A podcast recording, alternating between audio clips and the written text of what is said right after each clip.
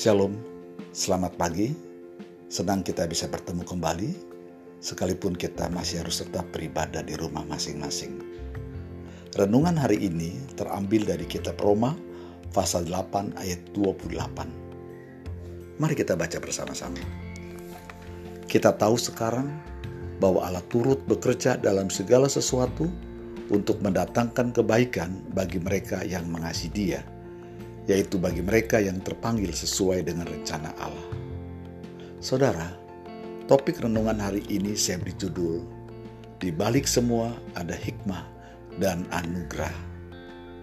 Ya, selalu ada hikmah dan anugerah di balik setiap kejadian yang terjadi dalam kehidupan kita. Makna hikmah menurut Kamus Besar Bahasa Indonesia adalah kebijaksanaan dalam kurung dari Allah. Hikmah adalah suatu arti dan makna yang terkandung dalam suatu kejadian atau peristiwa yang telah selesai. Sedangkan makna anugerah menurut Kamus Besar Bahasa Indonesia adalah pemberian atau ganjaran dari pihak atas dalam kurung orang besar dan sebagainya kepada pihak yang ada di bawahnya. Dalam hal ini, anugerah adalah kasih dan kemurahan hati Allah dalam Kristus bagi kita. Jadi saudaraku yang dikasih Tuhan, selalu ada hikmah, yaitu kebijaksanaan dari Allah. Selalu ada arti dan makna yang terkandung dalam suatu kejadian atau peristiwa yang kita alami. Dan anugerah, yaitu kasih dan kemurahan hati Allah dalam setiap kejadian dalam kehidupan kita. Saudaraku yang dikasih Tuhan, kisah atau peristiwa, tragedi atau musibah, dan semua yang Allah hadirkan dalam hidup kita tentulah tidak selalu lurus dan tidak selalu membuat kita merasa baik. Namun meski demikian, selalu percayalah bahwa akan selalu ada hikmah dan anugerah di balik setiap kejadian yang terjadi dalam kehidupan kita. Bukankah Allah kita adalah Tuhan yang Maha Tahu segalanya? Dia tahu apa-apa yang menjadikan hidup kita lebih baik dari masa ke masa.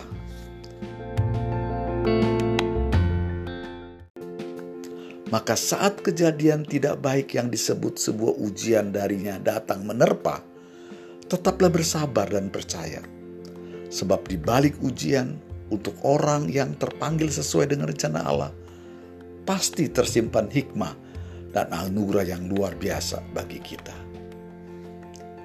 Karena di atas segala sesuatu yang terjadi dalam hidup kita ini, Allah turut bekerja di dalamnya untuk mendatangkan kebaikan, dan itulah anugerah buat kita. Sesuatu yang Allah berikan kepada kita pastilah tidak pernah sia-sia semua pasti mengandung hikmah dan ada anugerah yang luar biasa. Namun sering kali kita saja yang tidak bisa secara cepat untuk memahaminya. Karena apa?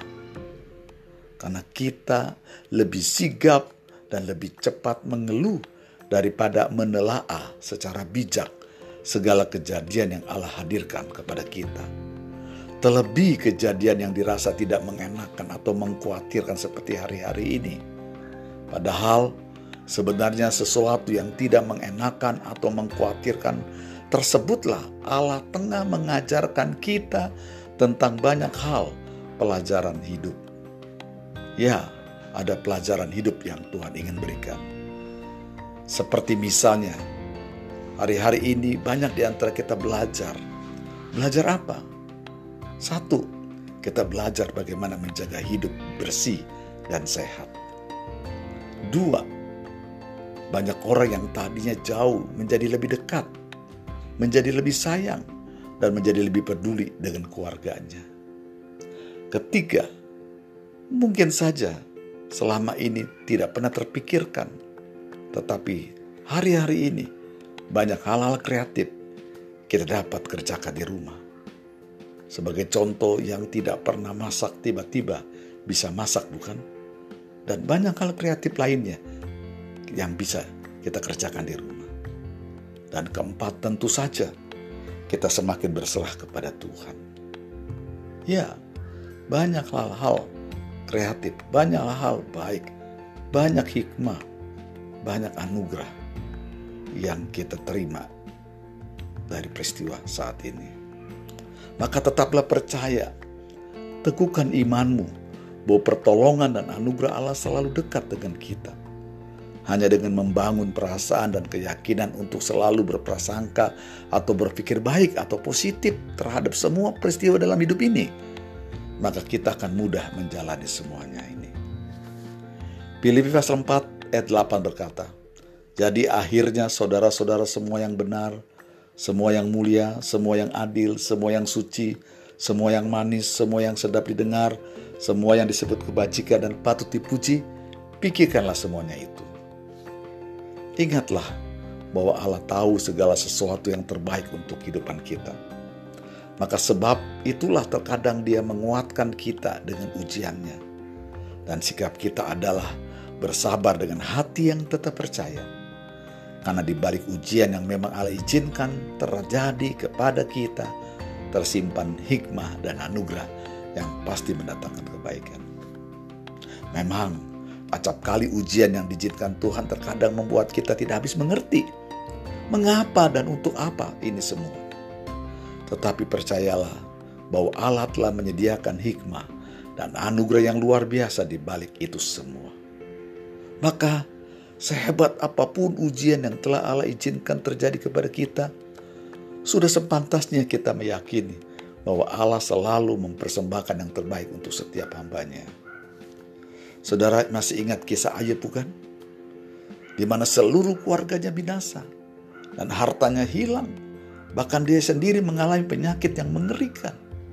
Sahabat-sahabat yang menghakimi dia dan istrinya meninggalkan dia. Siapa yang dapat mengira kalau akhir dari kisah tragis tersebut justru Ayub bangkit sebagai pemenang. Dia menjadi orang yang lebih diberkati Tuhan jauh dibandingkan hari-hari sebelumnya. Luar biasa bukan? Apa yang menjadi rahasianya? Rahasianya adalah satu, Ayub senantiasa hidup takut akan Tuhan. Ayub pasal 1 ayat 5b berkata, mungkin anak-anakku sudah berbuat dosa dan telah mengutuki Allah dalam hati. Demikianlah dilakukan Ayub senantiasa. Haleluya.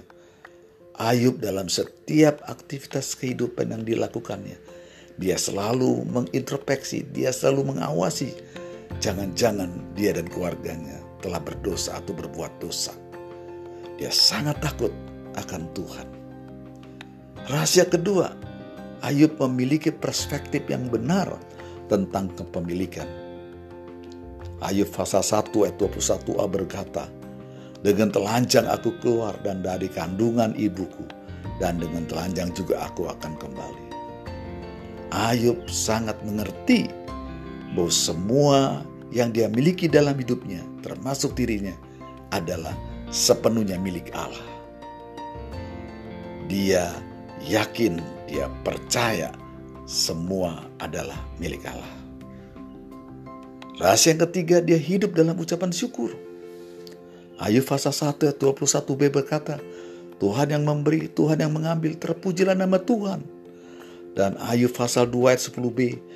Apakah kita mau menerima yang baik dari Allah tetapi tidak mau menerima yang buruk?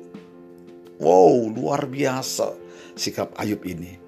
Dia tidak pernah mengeluh untuk yang baik maupun yang tidak baik.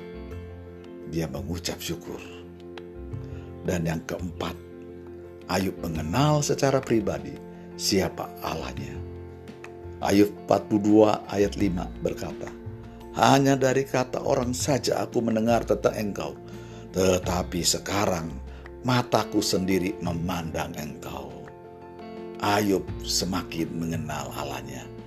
Melalui peristiwa yang terjadi, justru Ayub semakin mengenal. Dengan dia semakin mengenal, dia semakin menghormati dan menghargai Tuhannya.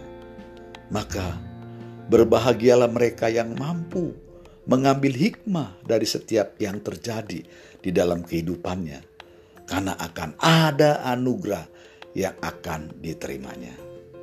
Sebagai penutup, perhatikan kata-kata bijak sebagai berikut. Hidup memang tidak mudah, tapi jika kita terus berjuang tanpa lelah, akhir yang indah akan kita dapatkan. Hidup memang tidak mudah, tapi dalam Tuhan akan menjadi indah dan penuh anugerah. Haleluya. Saudara, secara sederhana, jika kita ingin selamat, maka jangan pernah lepaskan peganganmu dari Allah. Jika saudara merasa bebanmu hari ini lebih berat daripada yang lain, itu karena Allah melihat saudara lebih kuat dari yang lain. Ingatlah selalu, kembalikan saja atau serahkan saja semua kepada Allah, maka tak ada satupun masalah yang akan memberatkanmu. Haleluya. Mari kita berdoa. Tuhan Yesus, ampuni kami kalau saja hari-hari ini hidup kami dipenuhi dengan rasa khawatir atau bahkan ketakutan yang pada akhirnya menutup kesempatan kami melihat hikmah dan anugerah di balik semua kejadian-kejadian hari ini. Oleh karena itu Tuhan, ampuni kami. Kami percaya jika kami selalu takut akan Tuhan. Kalau saja kami menyadari bahwa segala sesuatu adalah milik Tuhan. Kalau saja kami selalu mengucap syukur dan terus makin mengenal Tuhan, kami percaya Tuhan, tidak ada yang perlu kami khawatirkan, apatah lagi kami takuti. Terima kasih buat kebenaran firman Tuhan hari ini. Kami tetap berdoa buat pemerintahan kami, untuk Bapak Presiden dan para pejuang yang sedang berjuang di garis depan dalam rangka memutus penyebaran virus corona, yaitu para medis dan para sukarelawan. Lindungi mereka Tuhan. Berikan mereka hikmat akal budi untuk dapat mengatasi penyebaran virus corona hari ini. Berkati semua anak-anak Tuhan di mana pun kami berada. Biarkan kami tetap kuat di dalam Tuhan dan selalu percaya ada hikmah dan anugerah di balik semuanya ini.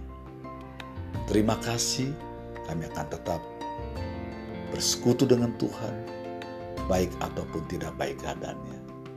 Dalam nama Yesus kami berdoa. Haleluya. Amin.